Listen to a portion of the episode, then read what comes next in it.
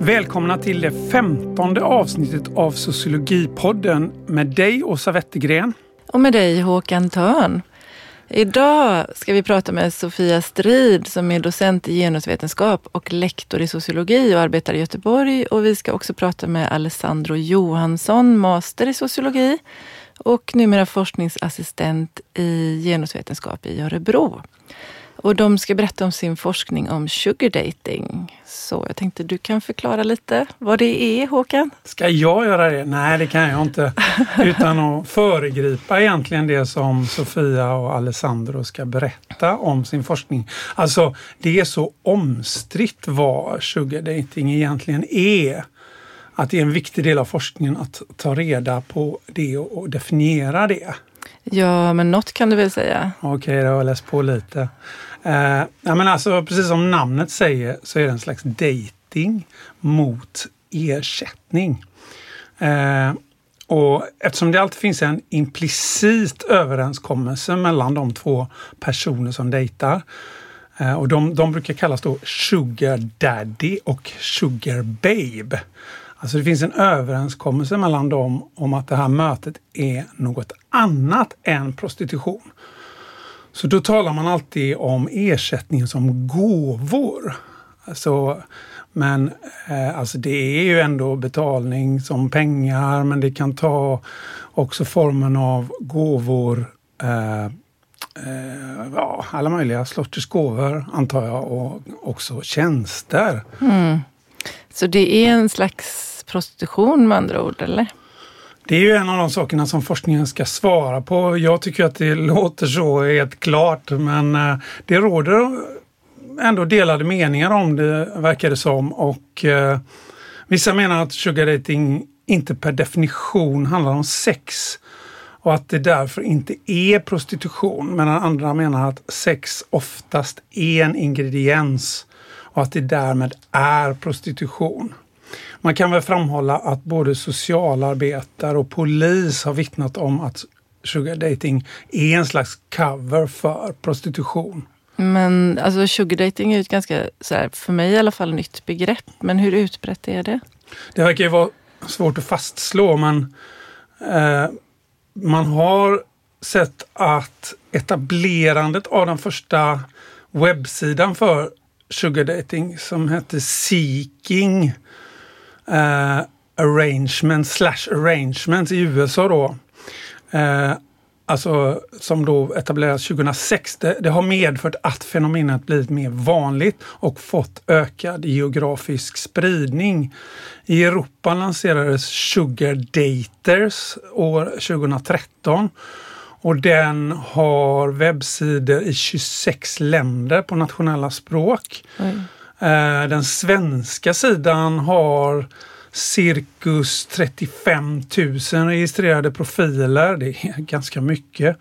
Eh, och man kan också notera att den ägs av ett danskt företag som också äger den största plattformen för prostitution i Danmark. Mycket lönsamt eh, får man förmoda. Eller det är också belagt för att det finns siffror på att under det andra året bara så ökade bolaget sin vinst med 400 procent. Och i Sverige lanserades också 2017 Rich Meat Beautiful. Eh, idag är den viktigaste sajten i Sverige då Seeking. Mm. Ja, nej, det känns som att det är dags att be Sofia och Alessandro att reda ut det här och förklara lite. Så ja. vi ska säga varmt välkomna hit till Sofia Strid och Alessandro Johansson. Tack. Tack. Och vi ska också säga att ni forskar tillsammans med Lena Gunnarsson i det här projektet i alla fall. Som, och hon är då genusvetare vid Örebro universitet.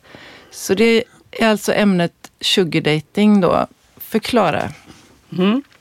Eh, så den eh, forskning som eh, jag och Alessandro och Lena har bedrivit har ju i grunden handlat om gränsdragningar och förhandlingar mellan ekonomi, marknad och sex och intimitet. Och till viss mån också kommodifieringen av sexualitet och intimitet. Men lite mer enkelt uttryckt så handlar sugar dating om eh, en form, eller som det marknadsförs i alla fall, en form av dating som är ärlig och frivillig och bygger på ett utbyte av sällskap och intimitet mot pengar eller mot andra eh, resurser som, som Håkan sa. Mm. Det, är alltså ett ömses, eller det betraktat som ett ömsesidigt fördelaktigt arrangemang för alla partner där ekonomiska eller materiella värden och tillgångar byts mot eh, icke-materiella värden och tillgångar. Och trots de här formuleringarna och som vi hörde Håkan säga också så hävdar ju sajten att det här handlar inte om prostitution. Det handlar inte om att köpa och sälja sex.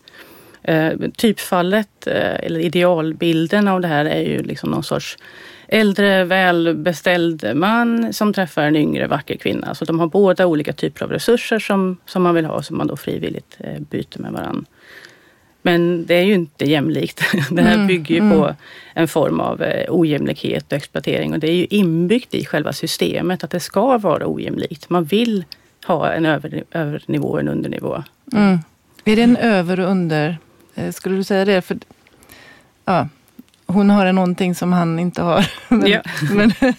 ja men precis och om man tittar på, alltså det, man kan ju tänka sig att de här, det här utbytet skulle kunna vara jämlikt om man bara tittar på individuella relationer. Mm. Men när man sätter in det här i en samhällskontext som inte är jämlik, om vi accepterar att vi lever i ett relativt patriarkalt samhälle mm. eller en könsregim eller genusregim då beroende på vilken teoretiker man pratar med då är det ju inte, då är det inte jämlikt. Mm. Då är det en överordning och underordning. Och det är också spänningen i det, att mm. den finns där.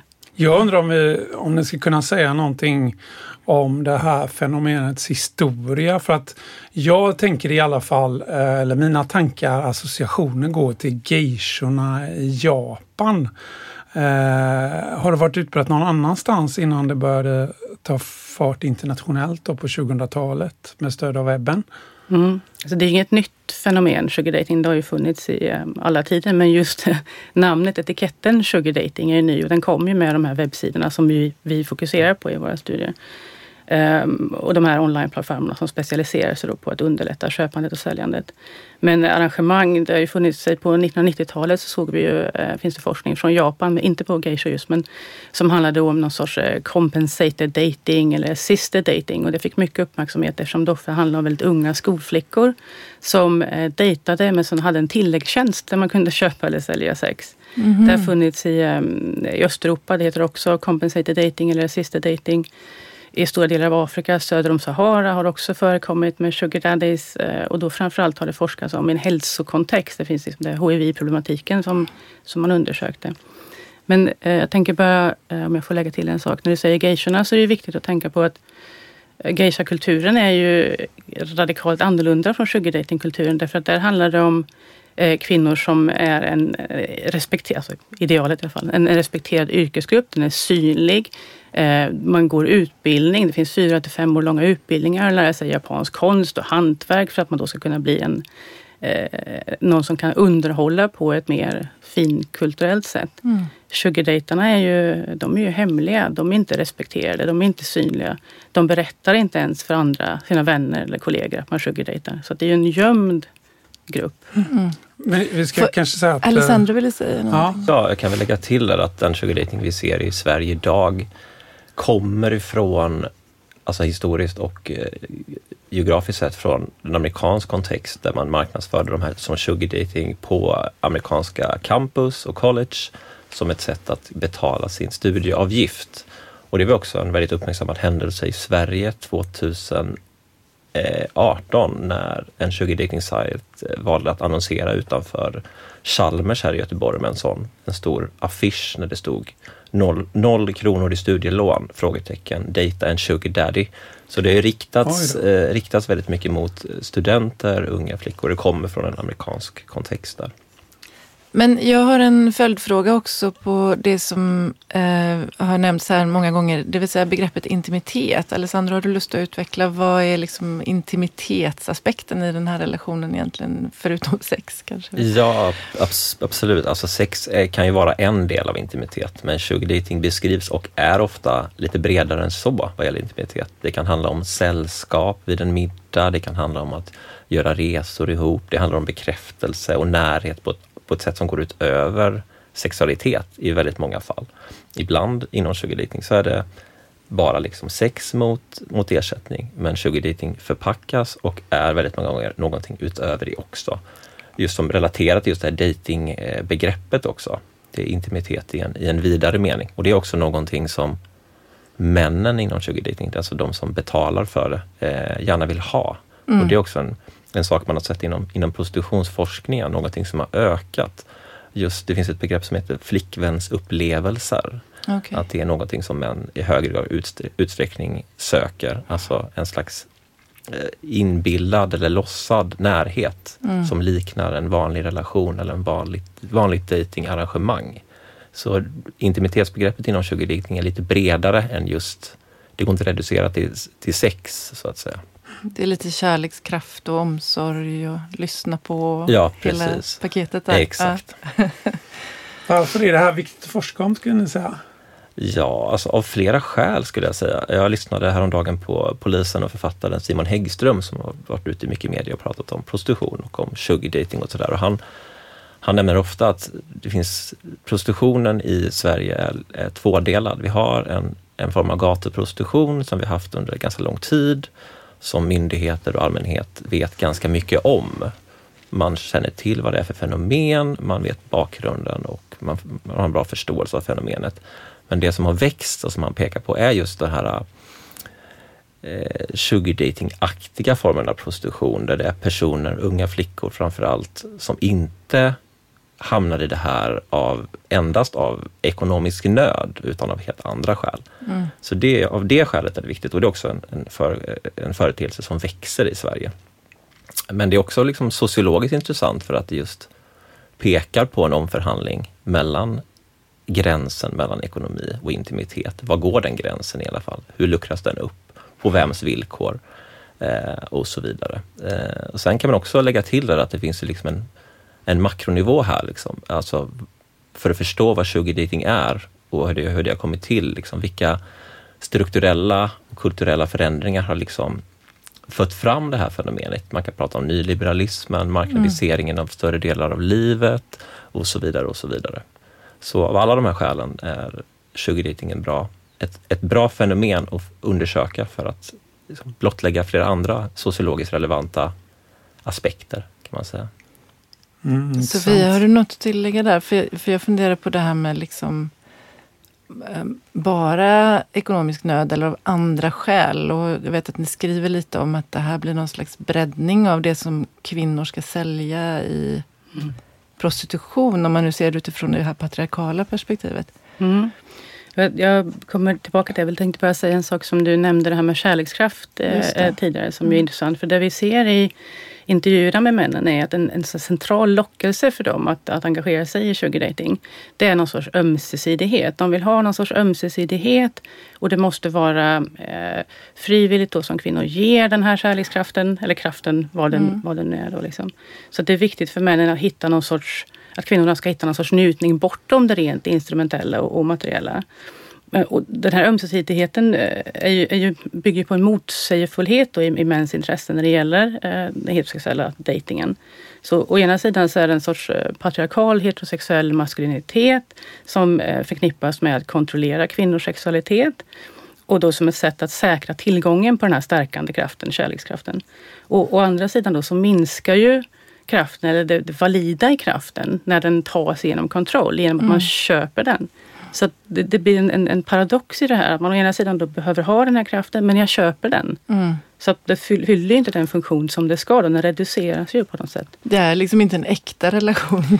Nej, det, det kan nej, det inte bli inte. det. Nej. Nej. Men båda parter försöker ändå övertyga varandra att det är det. Ja, ja det är en del av spelet på något sätt, tänker jag. Liksom, det tänker vi då, att det är en del av det här skriptet som, eh, som man har när man ska engagera sig i sugardating. Men det, det bygger ju på att fördjupa den här redan existerande exploateringen, eh, mm. tänker jag, som finns i alla heterosexuella relationer i ett patriarkalt samhälle. För om man tittar på utbytet som ni skriver om det så, så är det ju för eh, Sugar Babes, om jag minns rätt, så var det ju eh, pengar i första hand som de var ute efter. Spänning, gåvor. Och sen kommer själv, självförtroende och bekräftelse. Eh, och någon slags beskydd eh, och så. Så, så medan för, för de här dadsen så var det eh, sex i första hand. Så där ligger ju liksom de här prostitutionsfaktorerna väldigt högt på, på skalan för båda, alltså pengar mot sex. Uh, och uh, intimitet och någon uh, att prata med i andra och tredje hand. De låg på samma nivå. 54 procent av männen säger att de är ute efter intimitet och uh, bara någon att prata med. Så här kommer vi tillbaka till det här med alltså någon sorts kommodifiering av intimitet. Man kan helt plötsligt, då, det är inte bara kvinnors kroppar eller sex som, som får ett värde eller som, får, som kommodifieras utan det är också intimiteten och känslorna, omtanken. Mm.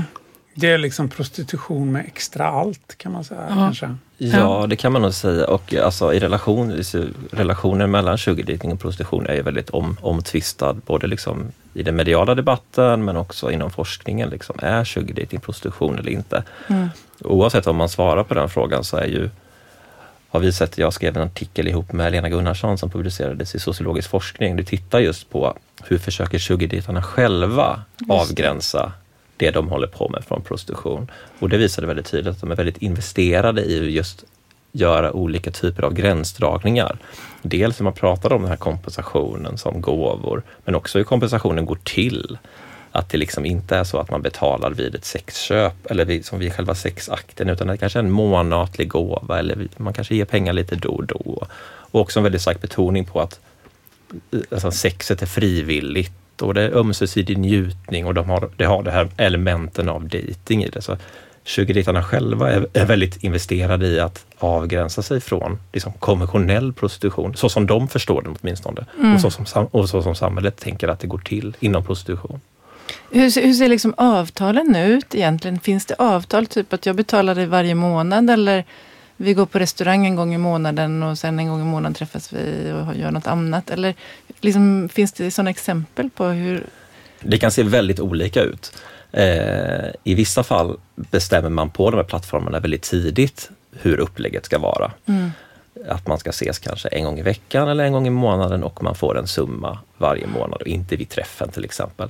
I många fall är det så att man får betalt vid träffen också. Mm. Och sen är det lite oklart vad som ingår i det men man kan förhandla om villkoren inom ramen för relationen. Så att säga. Så det är väldigt, väldigt olika. Men i, i idealfallet som många, många sugardejtare pratar om så vill de ha en, en, en, en, relation som sträcker sig mycket längre i tid, mm. där man har en form av överenskommelse där, där mannen då kompenserar i varje månad till exempel. och så där. Men det förekommer väldigt många olika varianter av det. Man säga. Eh, och sen är det ju också så, jag tänker på de här två artiklarna som, som vi skrev, ehm, att eh, de uttrycker någon sorts, eh, alltså de som sugardejtar uttrycker någon sorts önskan att det ska vara enkelt och det är rakt och man vet vad man förväntar sig. Man har gjort upp det på förhand och så vidare. Till skillnad då från konventionell dating när man inte vet. Och där finns ju en del av spänningen i att inte veta. Mm, mm. Men här uttrycks det som att det är skönt att slippa tjafset. Det är skönt att veta vad som gäller. Liksom att vi har någon sorts kontrakt här, du och jag. Så det är vanligt förekommande det också. Eh, men sen är det också så Förlåt Alexander, vill du fortsätta på kontraktet? Ja, alltså sen kan det gå fel ibland när, när personer i sugardating har lite olika idéer om vad det, vad det ska vara, hur det ska gå till. Liksom. Så vi har ett, ett exempel i bland våra intervjupersoner där hon har träffat en kvinna då som har träffat en man och haft någon slags middag och sen haft sex och sovit tillsammans på ett hotellrum. Och när hon vaknar på morgonen så ser hon att han är borta men det ligger 2000 kronor i kontanter på nattduksbordet. Okay. Och det var en väldigt jobbig upplevelse för henne då hon blev väldigt upprörd. Hon blev liksom sänkt av det? Precis, hon tyckte att det, hon sa att usch, det var så himla fult. Mm. Just för att han, han liksom bidrog inte till att skapa den bilden av, eh, av illusionen, illusionen av sugardating som hon ville att det skulle mm, vara. Mm. Hon blev liksom eh, konstruerad som en prostituerad ja, från han och det var väldigt, väldigt jobbigt för henne. Så det visar hur det kan gå fel i de här interaktionerna. Men man vill ha en, en relation som sträcker sig över tid. Uh, jag har för mig att i någon av era artiklar så hade ni också exempel på någon som hade flera relationer körande samtidigt. Liksom. Uh, är det vanligt eller är det? Bland de 24 intervjuerna så är det väl några stycken. Va? Det är inte så många som pratar om det. Jag minns faktiskt inte, Nej. men det förekommer. Det är inte, och det är, det är, väldigt många också som, eh, som sugardejtar eh, lite då och då. Mm. Alltså man har en relation, om vi pratar om kvinnorna till exempel, man kanske har en sugardejting-relation med en eller kanske två. Eh, sen kanske man skaffar en partner och då kanske man slutar och Mm. så kanske man hamnar i ekonomisk nöd av, Mm. av någon, något skäl. Då kanske man går tillbaka. Mm. Men eh, så det, det är olika där också. Det är inte alla som vill ha den här långa utan vissa vill bara ha, vill ha liksom flera och bara träffa dem någon gång ibland eller eh, bara vid enstaka tillfällen också för att få snabba pengar. Liksom. Kvinnorna då, alltså, eh, prof, har ni någon profil där? För att nu nämnde ju du att eh, studenter f- eh, är i alla fall en grupp som eh, eh förekommer. Men eh, är, är det det ni har sett eller är det varierat? Mm. Eh, de allra flesta av kvinnorna är eh, arbetslösa eller studerande. Vi genomförde en enkät med 100 svarande på en av de här sajterna. Så vi hade en, en banner på sajten där de fick eh, frivilligt eh, svara på en enkät eller inte. Så efter 100 svar så stoppade vi den. Och då, där finns det en tydlig skillnad. Liksom. Kvinnorna är eh, ofta inte i en relation. De kan vara arbetslösa eller studerande. De, deras högsta eh, utbildning är gymnasial utbildning. Medan, och deras inkomst är generellt någonstans mellan 10 och 20 000. Medan för männen så är de oftast universitetsutbildade, oftast i en fast relation. De har ett fast jobb och deras inkomst enligt deras egna svar då är över 70 000. De allra Oj. flesta av dem svarade det. Oj då. Mm. Det är väldigt stor skillnad med andra ord på socioekonomiskt. Och... Ja. Och det, det som också är intressant här är ju i, i, ehm, i vårt material då, så är det, det är i första hand en, en, sån här vit företeelse. Mm. Eh, Det är man ofta tänker att prostitution och trafficking handlar om migranter och migrerade som har traffic, trafikeras då in, in i Sverige. Men här är det inte trafficking. Det är unga eh, svenska tjejer Mm. som hamnar i de här eh, situationerna. Jag tänkte jag skulle också vilja knyta an tillbaka till det här med, med pengarna som vi pratade om. Och hur man, hur man kommer överens om och vad man gör med de här pengarna. Det finns ju exempel på tjejer som berättar att de eh, engagerar sig i sugar dating, får de här pengarna eh, och sen är pengarna smutsiga. De kan liksom inte använda pengarna till någonting. De, är, de måste slängas, göras bort. De kan inte ta i dem. För att, alltså, Därför att det, det egentligen inte handlar om spännande dating eller sex utan det handlar om ett självskadebeteende. okej. Att det är det de här eh, då, unga tjejerna, då, ibland minderåriga. Ja. Så i vår enkät hade vi ju tjejer som var så unga som 14 år. Mm. Men i intervjuerna är det bara de över 18. Och i, eh, när vi analyserade de registrerade profilerna, då är det ingen som är över eh, under 18 år. För det får man inte vara. Man får Nej. inte registrera att man är under 18 år när man är medlem på en sån sajt. Men Men enkätmaterialet visar att de är eh, ibland mycket, mycket yngre. Men vad betyder det rent konkret? Slänger, slänger de det rent konkret eller sl- slösar de bort dem på eh, jag Det- vet inte, saker som de inte behöver? Eller är det rent konkret? Slänger? Ja, det exempel som, eh, som jag har är en som slänger pengarna i soptunnan. Liksom. Slänger Jaha. pengarna. De kan inte ta i dem. Ja, det här med pengar är ju väldigt känsligt inom, inom sugardating. Just det, hur det ska hanteras, som jag var inne på tidigare. Jag har en man i, i materialet som, eh, som berättar om första gången han träffade en, en sugar baby då och skulle då eh, liksom räcka över pengar till henne efter deras träff.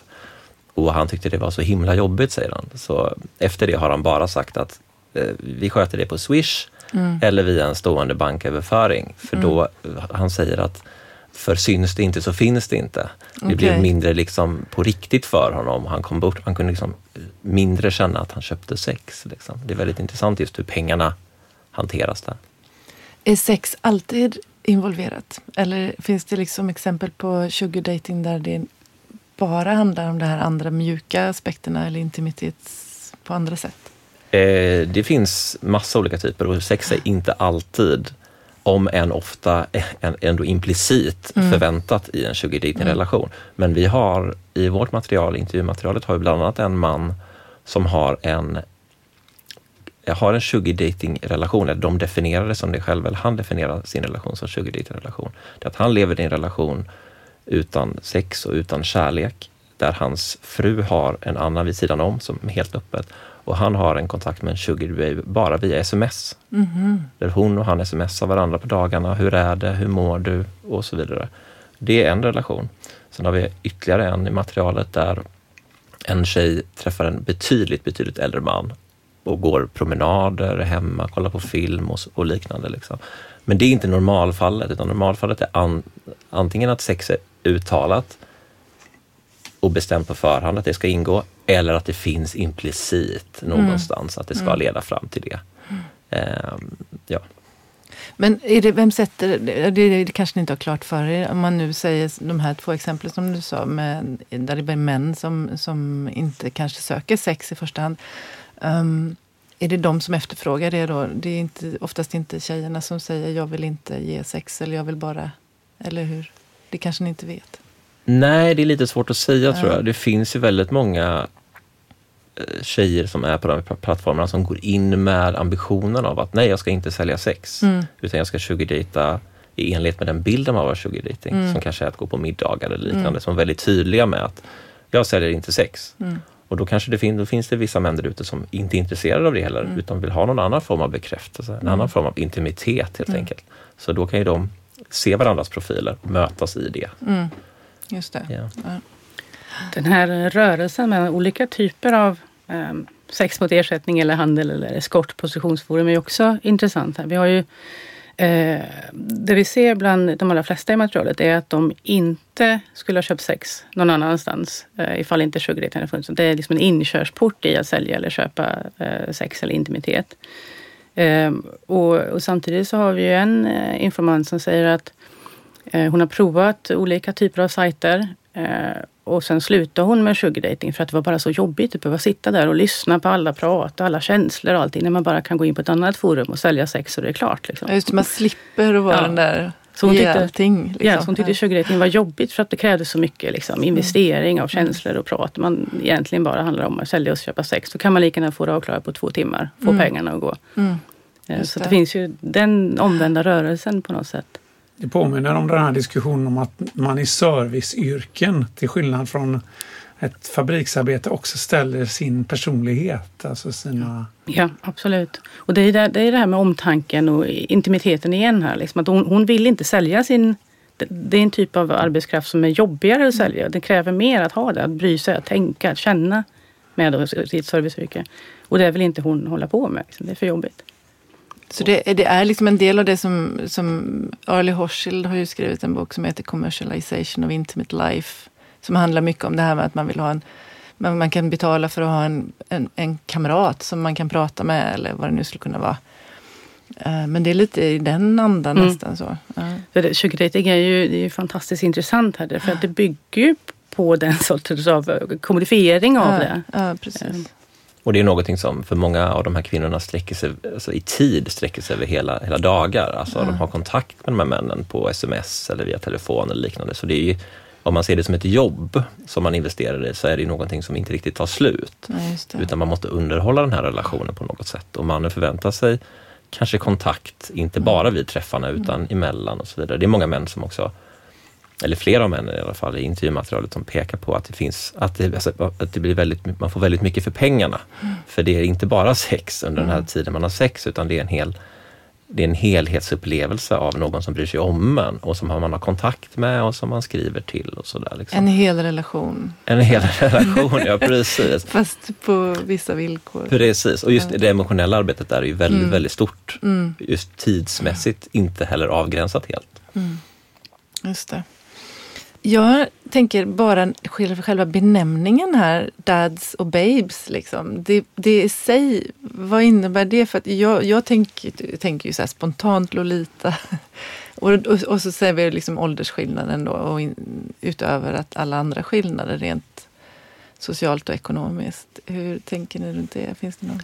Alltså angående åldersskillnaden så har jag förstått när jag pratat med personer som har hört om sugardating och sådär, att de har en bild av att det att det nästan alltid är en väldigt mycket äldre man och en väldigt ung kvinna som träffas. Mm. De har en bild av att... Och det förekommer, men det är långt ifrån det vanligaste eller okay. ens normalfallet.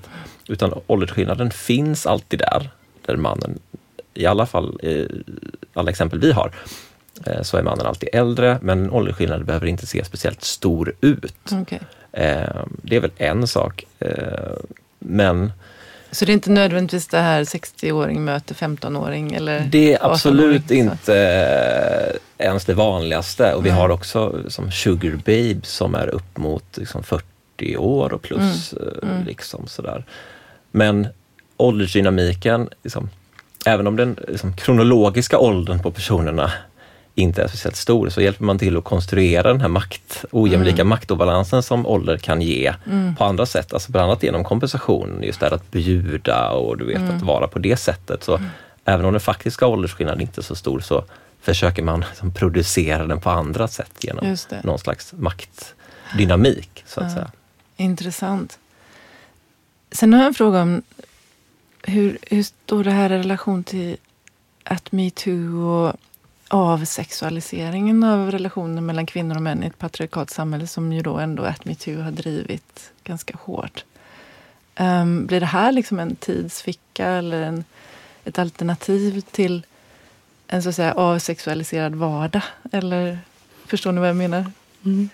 Alltså det skulle ju kunna vara så, men, men då ser man ju också att många av dem som vi intervjuar är ganska trasiga. Att de har ganska bråkiga bakgrunder. De har mycket skuld, mycket skam, det är mycket elände i deras liv eh, på ett eller annat sätt. Även om det inte är det första de pratar om. Men när det kommer två, tre, fyra, När det fem, gäller babesen då? Precis, så. precis. Ja. Så att det, det, är inte nödvändigtvis så att det är att, att försöka hitta den här spänningen. Mm. Utan det är någonting annat som driver mm. många av dem. Men Ehm, det handlar ju också om det som du brukar prata om, med outsourcing, eh, Alessandro. Ja, alltså man kan ju se sugardating som bara ett exempel på en generell tendens där man ser, med, pratar om appar som Tinder och så vidare, där man outsourcar vissa delar av livet som har just med sexualitet, raggning mm. och så vidare till mm. vissa, mm. ofta då internetplattformar. Mm. Eh, där, och det tror jag kan bli ännu starkare efter metoo där liksom eh, gränsdragningar i, i, i IRL-livet kanske är starkare. Mm. Då outsourcar man istället eh, flörtande och så vidare till bestämda platser, digitala plattformar där det får ske. Och då blir det ju fickor så att ja, säga. Det, det. här är det okej okay att anspela på sex eller liksom flörta och så vidare. Och där, är väl, där kan man väl se 20 dating som en sån, en sån ficka, en sån mm. outsourcad ficka från skilt från det övriga livet så att säga. Det är jättespännande tycker ja, jag. Jag, jag tänker som komplement till en, en, feministisk analys av det här så kan man också tänka eh, marxistiskt inspirerat som en, att det här är en form av kod, kommodifiering av de sociala relationerna. Alltså det betyder ju förvaruligande, det vill säga att våra vi behandlar varandra som, som varor. Och det finns ju många som har pekat på att med internet så har det fördjupats, alltså på 2000-talet. För att det är ju bara att tänka på Facebook eller Instagram, att vi presenterar oss själva väldigt reklaminspirerat. Sådär, liksom att vi säljer vår personlighet även om det är till våra vänner så att säga. Har ni tänkt längs de linjerna också? Mm, det var ju, tror jag, en av liksom ingångarna i varför vi var intresserade av det här fältet. För att vi såg ju den här förskjutningen av vad det är som kan bli varufierat Eh, så det var liksom själva spänningen i, in, inledningsvis när vi ville studera sugardating. För det, satte, det gav oss ett empiriskt exempel på eh, hur det här händer och hur det också spelar in i det patriarkala. Så vi har både det marxistiska och det feministiska i det här som gör, möjliggör jättespännande analyser. Och, och även det eh, som, som, som är tydligt i, i det här är ju hur, hur tvärvetenskapen möjliggör olika, att man ser olika saker och att vi liksom stöts och blöts med varandra. Vi kommer från, en kommer från det kritiska kärleksfältet, en kommer från feministisk våldsforskning. Vi, vi har mm. båda eller alla tre olika intressen i feministisk teori och marxistisk teori. Men vi ser ju väldigt olika saker i det här på grund av våra olika bakgrunder. Så när någon ser intima förhandlingar och personliga relationer och nyanser, lite fin, finslipade i det här som händer. Så står någon annan liksom med ett system och, och pratar våld och exploatering. De pratar intimitet och kärlek. Mm. Och, så det, det är jättemycket spänningar i det här beroende på vilken teori och vilket perspektiv det kommer ifrån. Så det, det är ett utmärkt studieobjekt.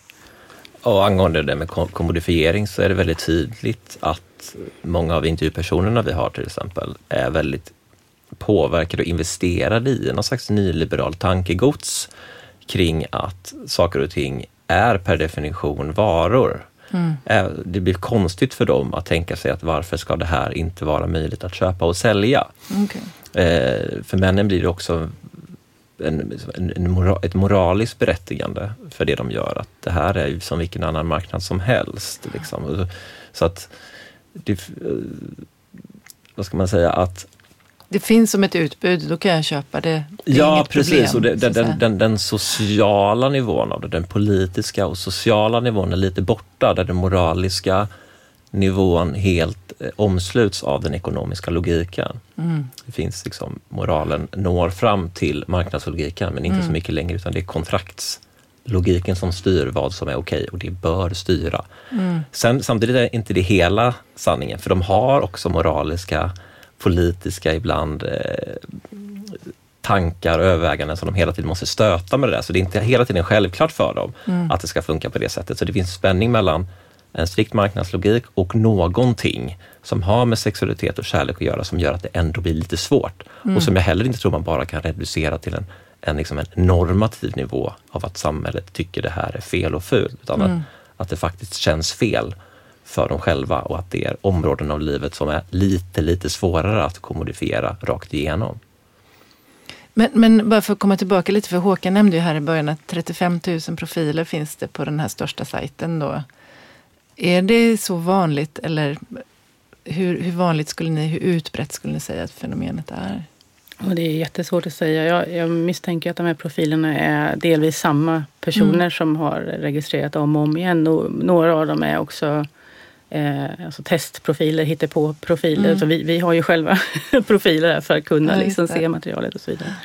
Ehm, men det, det man ser är åtminstone om man följer, om man följer pengarna, följer industrin så ser man att sajterna ökar. Det kommer fler och fler sajter i fler och fler länder och de har fler och fler medlemmar och de gör mer och mer pengar. Mm, Och, och de som äger sajterna är ju inte eh, engagerade i någon liksom, omsorgs eller intimitets eller sexindustri generellt utan det har ju ofta varit som datasystemvetare, datautvecklare som ser det här som en möjlighet att bygga en plattform och tjäna pengar. Mm.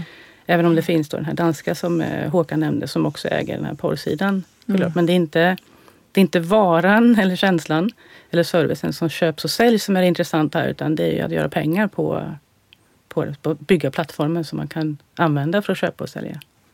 Just det.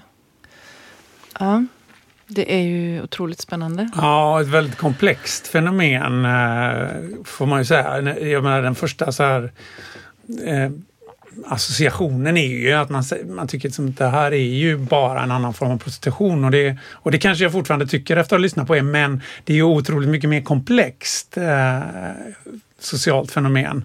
Jag tänker om man sätter in det i den här kontexten att man kan köpa sig en kompis eller att man kan köpa sig en kärlek till sina barn som är typ av nannies som ju också Horschel är inne på och sådär. Så är det, är det ju också någonting mer än prostitution. Alltså det är någon slags kommersialisering av just relationer och ja, kommodifiering som du var ute i. Ja. Ja, jag tycker man, man kan tänka liksom på uppkomsten av sugardating som ett slags möte mellan en diversifiering av prostitutionen Mm. med mer komplexa former av arrangemang, olika typer av prostitution. Eh, men i ett möte mellan det och en mer kommersialiserad datingkultur också. Mm, mm, en mer marknadsmä- marknadsmässig mentalitet i den vanliga dejtingen. Mm. Och i mötet mellan de två eh, föds sugar dating som ett koncept.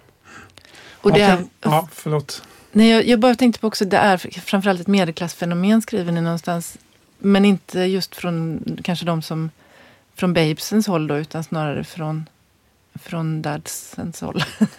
Eller har jag förstått rätt? Det är väl intervjuerna som har en, en liknande som medelklassbakgrund. Däremot Ja. enkäten ser det lite annorlunda ut i. Okej. Eh, där är tydligare klasskillnader. Och.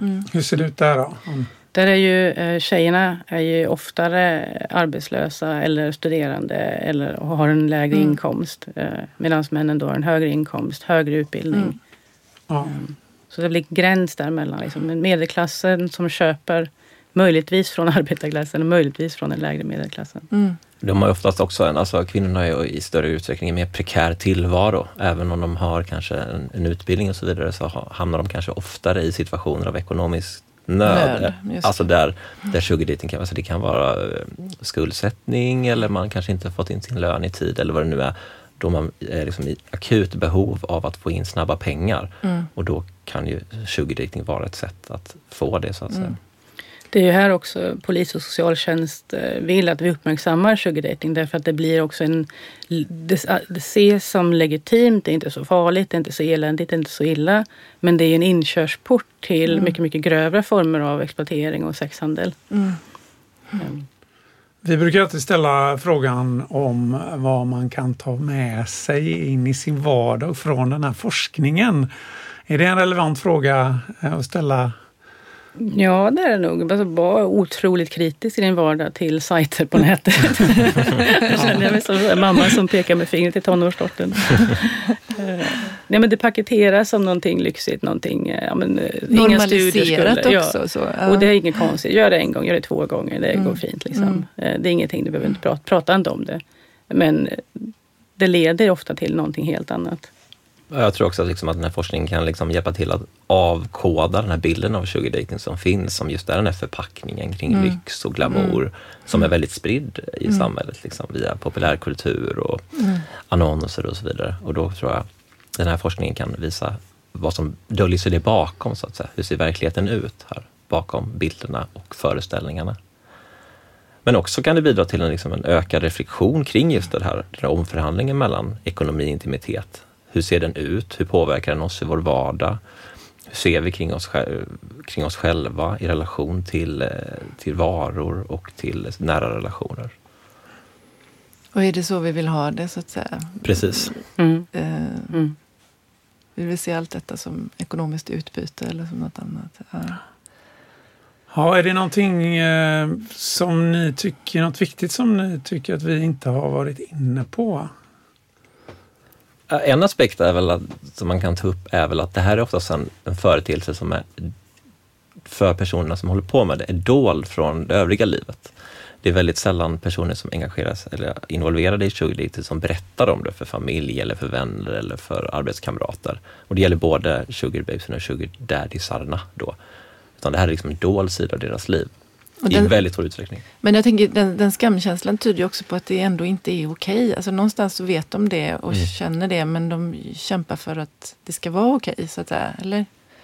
Mm. Det ligger en motsägelse eller en paradox ja. i det här. Liksom att det, det sker, eh, sajterna är öppna, man pratar om dem och de ser lite flasha ut, lite lyxiga. Liksom. Men mm. samtidigt så är det ingen som vill egentligen berätta att de är en sugar baby eller sugar daddy. Mm. Och det var ju där också skillnaden kommer till det vi pratade om med, med geishorna eller vad mm. det är. Liksom. Just det det är ändå inte ett socialt accepterat fenomen. Nej, inte på riktigt. Nej, nej. Nej. Pratet om det verkar mm. ju vara det. Liksom. Mm. Och man kan ställa den här bussen utanför Chalmers och det är helt okej. Okay, liksom. mm. uh, men ändå så vill man inte berätta för sina vänner eller för sin mamma eller pappa att man sugardejtar. Okej. Okay. Ja, men ja. Eh, då vill vi säga tack eh, Alessandro och Sofia för att ni ville komma hit och berätta om den här väldigt spännande forskningen. Tack så tack mycket för att, vi fick komma hit. Hej då!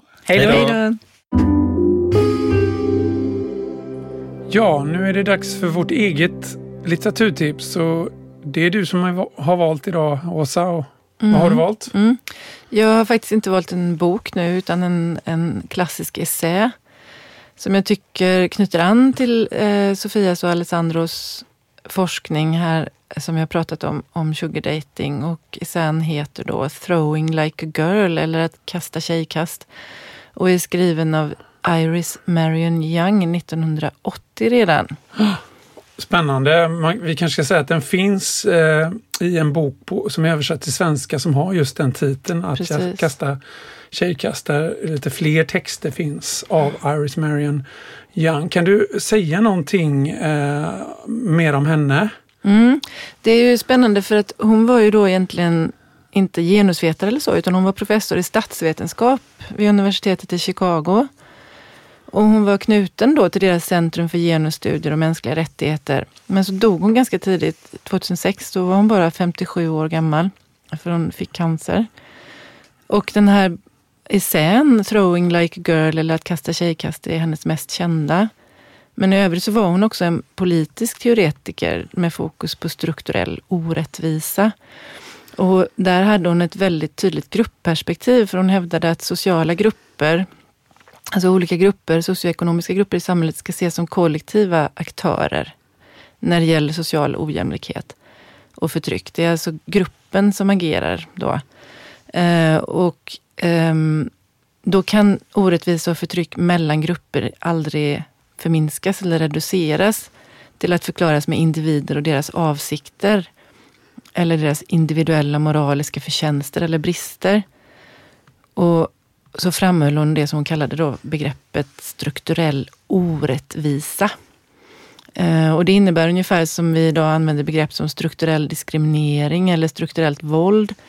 Att individer kan vara delaktiga i och de kan ha ansvar för sin sociala grupps förtryck av andra grupper, även om man inte själv har för avsikt att direkt förtrycka eller skada andra.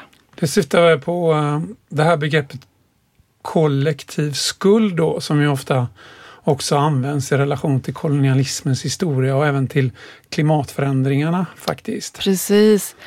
Eh, hon tryckte en bok som kom ut postumt, eh, alltså efter att hon dött 2011, Responsibility for Justice, så skriver hon att strukturell orättvisa är när sociala processer gör att stora grupper systematiskt hotas med dominans och berövande av, av sina resurser och medel för att utveckla sina förmågor.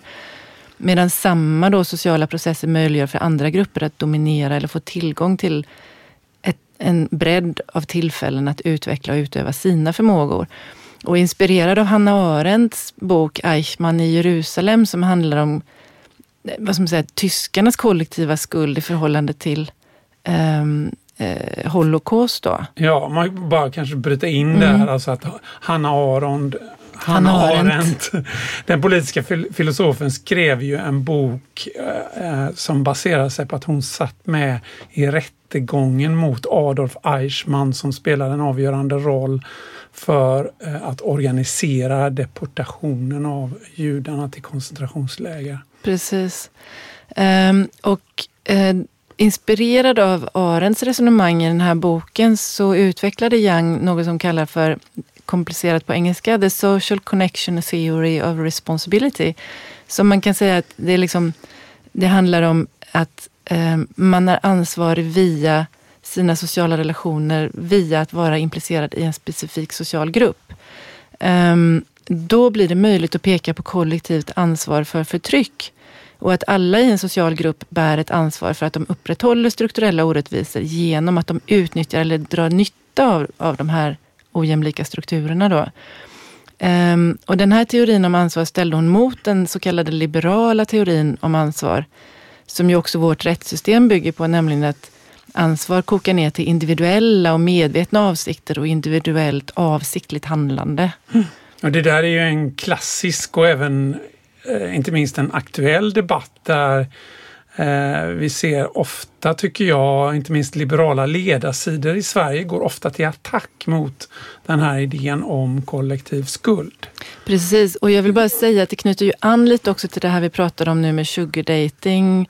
Därför att om man tar det här perspektivet så skulle man ju kunna säga att alla sugar dads egentligen har ett ansvar, för de kommer från en specifik social och ekonomisk grupp Uh, där de då uh, också utnyttjar en annan grupp, det vill säga unga flickor, så, uh, för att de ska få sitt behov tillfredsställt av intimitet eller vad det nu kan vara.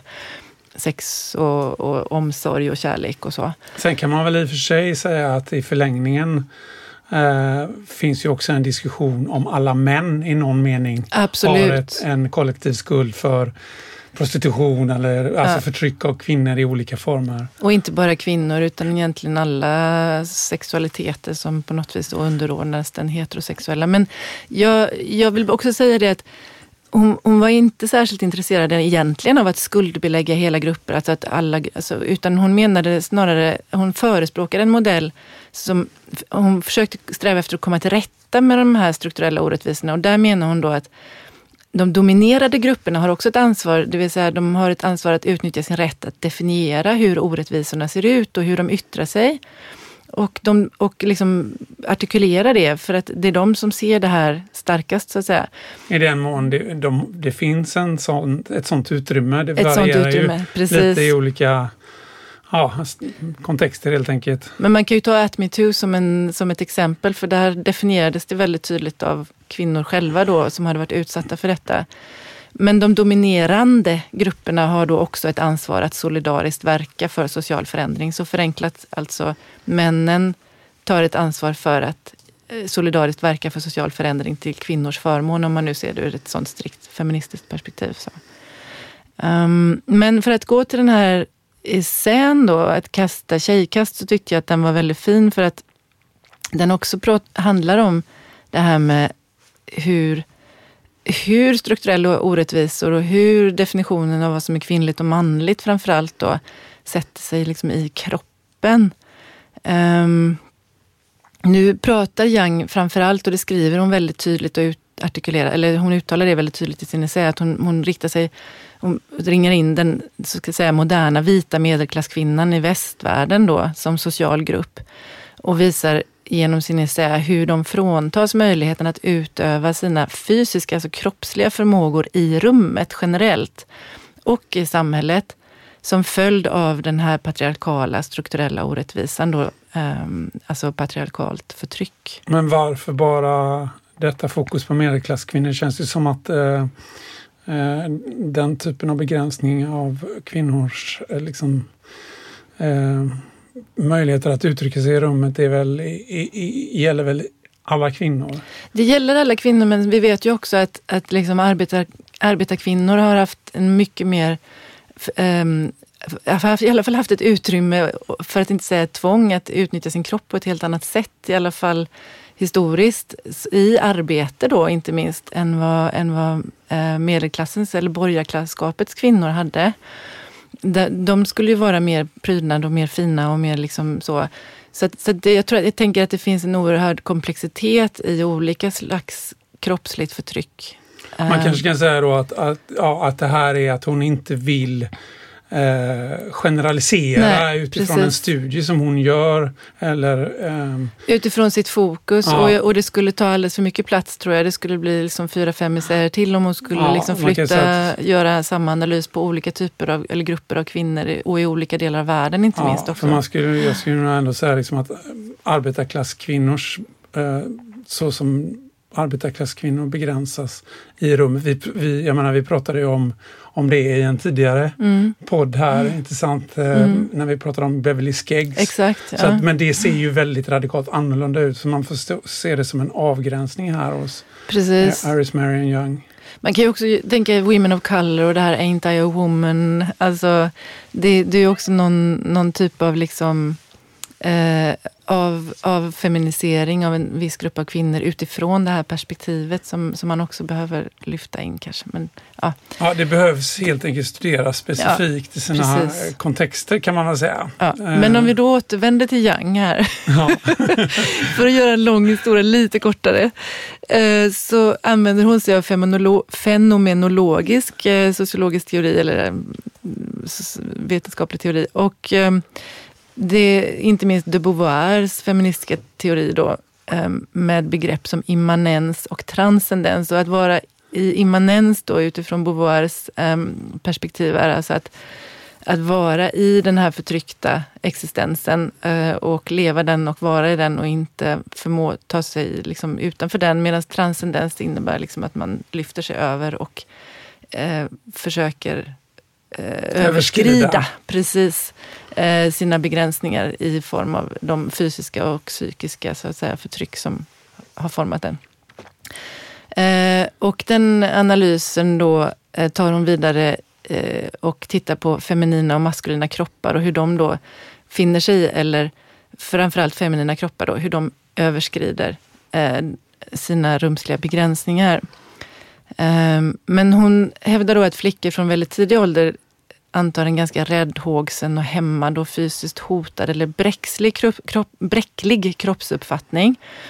Eh, och det handlar då inte om biologiska skillnader mellan kvinnor och män eller någon skum fem, feminin essens som då det har hävdats eh, eh, av någon biolog här som hon refererar till. Utan det handlar om att det feminina varat i världen medför liksom ett fasthållande i den här immanensen.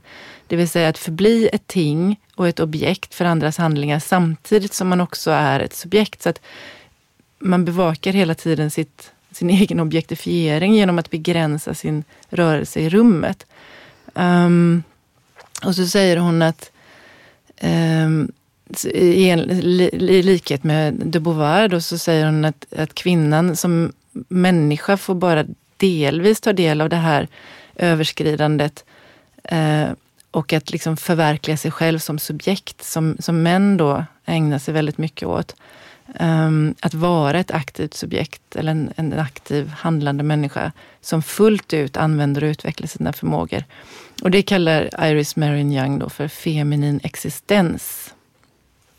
Mm. Uh, och då skriver hon här har, här har jag då ett citat. Just det, jag glömde ja. fråga dig om du har ett citat. Jag har ett citat och det kommer här. Jag ska förtydliga vad jag menar med feminin existens. I likhet med de Beauvoir förstår jag femininitet inte som en mystisk kvalitet eller essens som alla kvinnor delar bara för att de är av kvinnokön.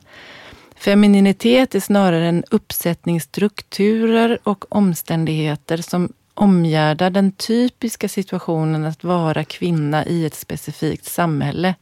Såväl som det typiska sätt som denna situation levs av kvinnorna själva. Mm. Och här kan man ju då se också en, att hon liksom, med typiskt sätt så pratar hon om kvinnorna som grupp, inte om individer. Då.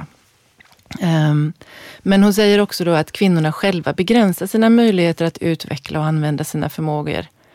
Um, Eh, samtidigt som det är för att de vill göra detta, att vara en kvinnligt vara i världen så att säga. Eh, och den, den borgerliga eller den medelklassiga mannens sociala dominans kräver att de framför sig själv på det här sättet. Um, och när det då handlar om... Um, alltså det handlar ju också då om att de samtidigt ser sig själva som objekt, som jag sa tidigare. De bevakar sitt eget objekt. Kvinnorna. Ja, mm. precis. Mm. De är både subjekt, men de ser också sig själva med mäns ögon, det vill säga det här objektet då som ska tas i besittning. Så, så det gör att de liksom eh, eh, begränsat sig själva. Ska de kasta en boll till exempel, så tar de, så, så, så, um, så tar de inte hela kroppen i anspråk. Utan de, det typiska är att de, liksom, de bara liksom så slänger bort. Kastar slänger, underifrån. Kastar lite underifrån. Med, tjejkast. ja, tjejkast. Ja. Med liksom arm i armen i rörelse lite framåt, kanske underarmen. Men de, resten av kroppen är stel. ja, men det är jättebra, för jag hade tänkt fråga dig. Var, varför heter det sen att kasta tjejkast? Nu fick vi svaret på det. Ja, de, de, liksom, de begränsa sin rörelse och hon jämför det med en, en pojke som då ska kasta en boll som liksom verkligen så tar hela kroppen och hela den här eh, vad ska man säga, kraften i kroppen, lägger den i kastet och liksom verkligen slänger sig ut i rummet med utsträckt arm och kastar med all sin, och kanske till och med ramlar framåt. Så. Det skulle en, en flicka då aldrig göra, menar hon, utan det blir den här liksom väldigt stela, delvis engagemanget bara i, i kastet. Och likadant så eh, om, en, om en tjej ser en boll kastas mot sig så tar de inte det som ett objekt som de ska springa mot och möta och fånga och kasta iväg. Utan snarare som en projektil som är farlig, som riktas mot dem och som de måste röra sig bort från eller skydda sig från. Det är det liksom typiska då, eh, förhållningssättet med kvinnor och, mellan kvinnor och bollar skulle man kunna säga. Mm. Och Det här kallar hon då för dubbelt medvetande, det vill säga att kvinnorna både vill, vill så att säga kasta bollen men samtidigt håller tillbaka sig för att, för att vara kvinnliga, så att säga. Alltså att man både är subjekt och objekt. Ja, när du säger dubbelt medvetande där så kan jag inte låta bli att eh, flika in att det begreppet i sociologin då eh, myntades av W.E.B. Du Bois, en afroamerikansk sociolog som var verksam så tidigt som kring eh, sekelskiftet 1900 då. Och då handlade det om hur svarta amerikaner internaliserar de vitas blickar på sina egna kroppar. Mm. Så att man blir både subjekt och objekt på det. Det är väl samma typ av erfarenhet fast i en annan kontext? precis, hur? precis. Alltså det, det kanske egentligen är generellt för alla underordnade grupper att de de ser sig själva också med den överordnade eller dominerande gruppens ögon och då, då har man den här dubbla blicken på sig själv. Um, med utgångspunkt i fenomenologisk teori så skriver Iris Marion Young att den feminina kroppsliga existensen kännetecknas av tre modaliteter eller sätt att vara. Då. Och dessa är ambivalent transcendens, hämmad intentionalitet och avbruten helhet. Okej, okay, det får du förklara. Ska vi börja med ambivalent transcendens då? Vad är det? Ja, det är att alla mänskliga kroppar är både objekt och subjekt. De har alltså möjlighet att både vara immanenta och transcendenta. Ehm, men enligt fenomenologen Merleau-Ponty då, så innebär den levda kroppens transcendens en rörelse ut från kroppen i en öppen och obruten handling i världen. Det han kallar för ren flytande handling. Ett sånt där härligt kast. Ja, precis. Som till fullo överskrider kroppen som objekt. Men kvinnans tvehågsna transcendens, den är aldrig så öppen och obruten. Den tar inte bara sitt avstamp i immanensen, utan den förblir i immanens. Kastet underifrån. Ja, precis. Även då när den feminina kroppen agerar i världen så ligger liksom immanensen kvar som en plastfilm över hennes kropp så att säga. Ja, så, så det blir det här att flickan hämmar sig själv. Hon gör inte kastet fullt ut. Men hur hänger det ihop med hämmad intentionalitet? Då? Hämmad intentionalitet handlar om att kvinnor inte, de närmar sig inte fysiska uppgifter med, med en liksom självförtroende och självkänsla och ett kaxigt, jag kan så här. Alltså avsikten bakom deras handlingar blir aldrig så här, det här kan jag göra. Utan istället så utgår de från att de förmodligen inte kan. Och, och då förverkligar de inte sin kropps potential utan de underutnyttjar och undervärderar den. Och Eh, Iris Marion Young skriver, genom att förtrycka och hålla tillbaka sin egen rörelseenergi projicerar den feminina kroppsliga existensen ett jag kan och ett jag kan inte på ett och samma ändamål. Ambivalent. Ja, precis. Och det som då kännetecknar ehm, eh, kvinnornas fysiska prestationer är att de för det första närmar sig Eh, det de ska göra prövande och tvehågset. Och två, så underskattar de alltid då vad de också har åstadkommit. De tror aldrig att de kan och de tror inte att de ska kunna. Och när de har gjort det så, tro, så, så tycker de inte att de har gjort det rätt. Liksom. Okej, okay, och så det tredje begreppet då, avbruten helhet. Avbruten helhet pekar tillbaka på den tvehågsna eller den ambivalenta transcendensen, det vill säga den här klistriga immanensen, plastfilmen. Eh, genom att eh, den, den ambivalenta det ambivalenta engagemanget i till exempel ett kast. ses i hur kroppen som helhet inte är med i rörelsen utan bara en del av den. Så att man börjar på någonting som skulle kunna vara det här hela flytande engagemanget, eh, överskridandet av kroppen som objekt. Men sen stoppar man sig på vägen och därför blir det en bruten helhet så att säga. Um, ja. Och det hänger ju också då ihop med den här hämmade intentionaliteten. Det vill säga flickans jag kan. Det är bara en en generell och abstrakt möjlighet, men inte hennes möjlighet. Och därför så engagerar hon sig inte i rörelsen fullt ut, utan då blir det så här avbrutet. Ja. ja. Ja, sen fortsätter hon prata om, om space och rum, alltså utrymme och eh, skillnaden mellan det levda och det så att säga, fenomenologiska utrymmet och det objektiva utrymmet. Um, och då skulle man kunna säga att i ett fenomenologiskt, fenomenologiskt perspektiv så skulle rummet inte kunna existera utan kroppen. Det är kroppen som gör rummet och det är alltid den egna kroppen som utgör den första koordinaten, så att säga, för man uppfattar ju rummet utifrån sin egen kropp mm. i en tredimensionell rumsuppfattning. Eh, men den feminina existensen uppfattar sig genom den här ambivalenta immanensen eh, i sin kropp som ett objekt i rummet och inte som ett subjekt som konstituerar rummet, utan hon hon uppfattar sig som utplacerad i rummet snarare än den som gör rummet. Den som har tagit rummet i besittning. Precis. um, och hon utgår inte från sin egen kropp som den självklara liksom, koordinaten, centrum i rummet, utan från andras kroppar. Mm. Och det tycker jag blir väldigt starkt på något vis, för det illustrerar väldigt tydligt vad underordning och objektifiering innebär. Ja, återigen där skulle jag ändå vilja peka på att, att den här analysen eh, framstår som väldigt tillämplig också för den rasifierade Absolut. kroppen och kanske också för den klassade kroppen eh, som ju Bourdieu, Pierre Bourdieu, den franske sociologen, har skrivit om och även Beverly Skegg som vi har pratat om i ett annat mm. avsnitt. Så i någon mening kan jag ändå säga, tycka då liksom att ja, men hon avgränsar sig till att det här eh, gäller medelklasskvinnan men, men det känns ju som en teoretisk eh, förståelse av förtryck som går långt utöver... Och det gäller alla förtryckta kroppar skulle ja, man kunna säga, ja, absolut. Ja. Fast det är olika, på olika sätt då naturligtvis, liksom, när det väl kommer till kritan.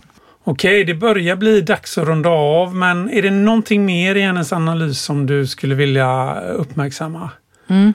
Alltså, eh, den här essän är ju oerhört tät och komplex, men det som jag skulle vilja uppmärksamma på slutet här, eftersom vi har pratat om, om den här kroppsliga begränsningen av kvinnan och hur hon bevakar sin kropp, så att säga, så är det ju också så att eftersom hon är kvinna och blir försatt i den här situationen genom ett strukturellt förtryck, så, så är det också så att hon kan använda sig av den här begränsningen av sin kropp eh, i offentliga miljöer, inte minst som ett skydd mot objektifiering. Och det, mm. det är intressant för att objektifieringen då, eller den självvalda objektifieringen blir ett skydd mot, ett, mot en ännu mer negativ objektifiering. Och här skriver Iris Marion Young att öppna upp kroppen i ett fritt och aktivt och öppet, så att säga, en, eller en öppen utsträckthet och liksom vara modigt utåtriktad målmedvetenhet och så. Det, det är liksom för en kvinna detsamma som att bjuda in till objektifiering, typ sexuell objektifiering eller att man inte är en riktig kvinna. Eller, alltså man blir, som blir föremål för andras kritik och, och eh, även då bjuder in. Men du menar in. att det ändå är lite att ta kontroll över den ja, objektifieringen? Så att, precis. Då? Så hon, hon kan ju välja då, och man kan ju ta exemplet om man sitter liksom på tunnelbanan med med benen i kors och inte tar så mycket plats. Eller om man som kvinna liksom verkligen så breder ut sig med manspread och så det, det skulle verkligen skapa uppmärksamhet. Då skulle man också på något vis... Ta kontroll eh, över situationen? Ja, alltså rätt sagt, där skulle du kanske förlora kontrollen över situationen för folk skulle börja titta på det och kritisera det på olika sätt.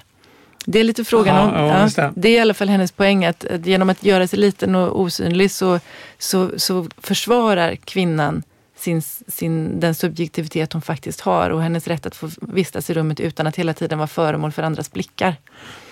Ja, för jag tänker ändå i den andra vågens feminism så eh, eller den tredje fem, vågens feminism så opponerade sig ju kvinnor mot eh, den positionen att man inte ska använda sådana här klassiska feminina attribut, attribut som kort kjol och läppstift och utan att man i den tredje vågens feminism Eh, använder de attributen mer manliga. för att ha kontroll mm. över objektifieringen. Mm. Precis, och det kan man ju också tänka att i nästa steg så kan man göra det, men det, det kanske krävs en grupp eller ett kollektiv för att göra det. Eh, den ensamma kvinnan kanske inte riktigt kan göra det.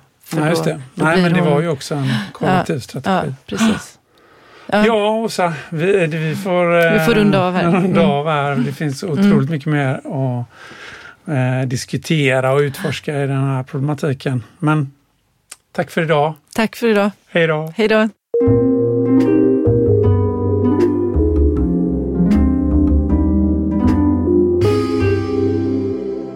Här podden finansieras med stöd av Adolf Bratts föreläsningsfond och av Institutionen för sociologi och arbetsvetenskap vid Göteborgs universitet.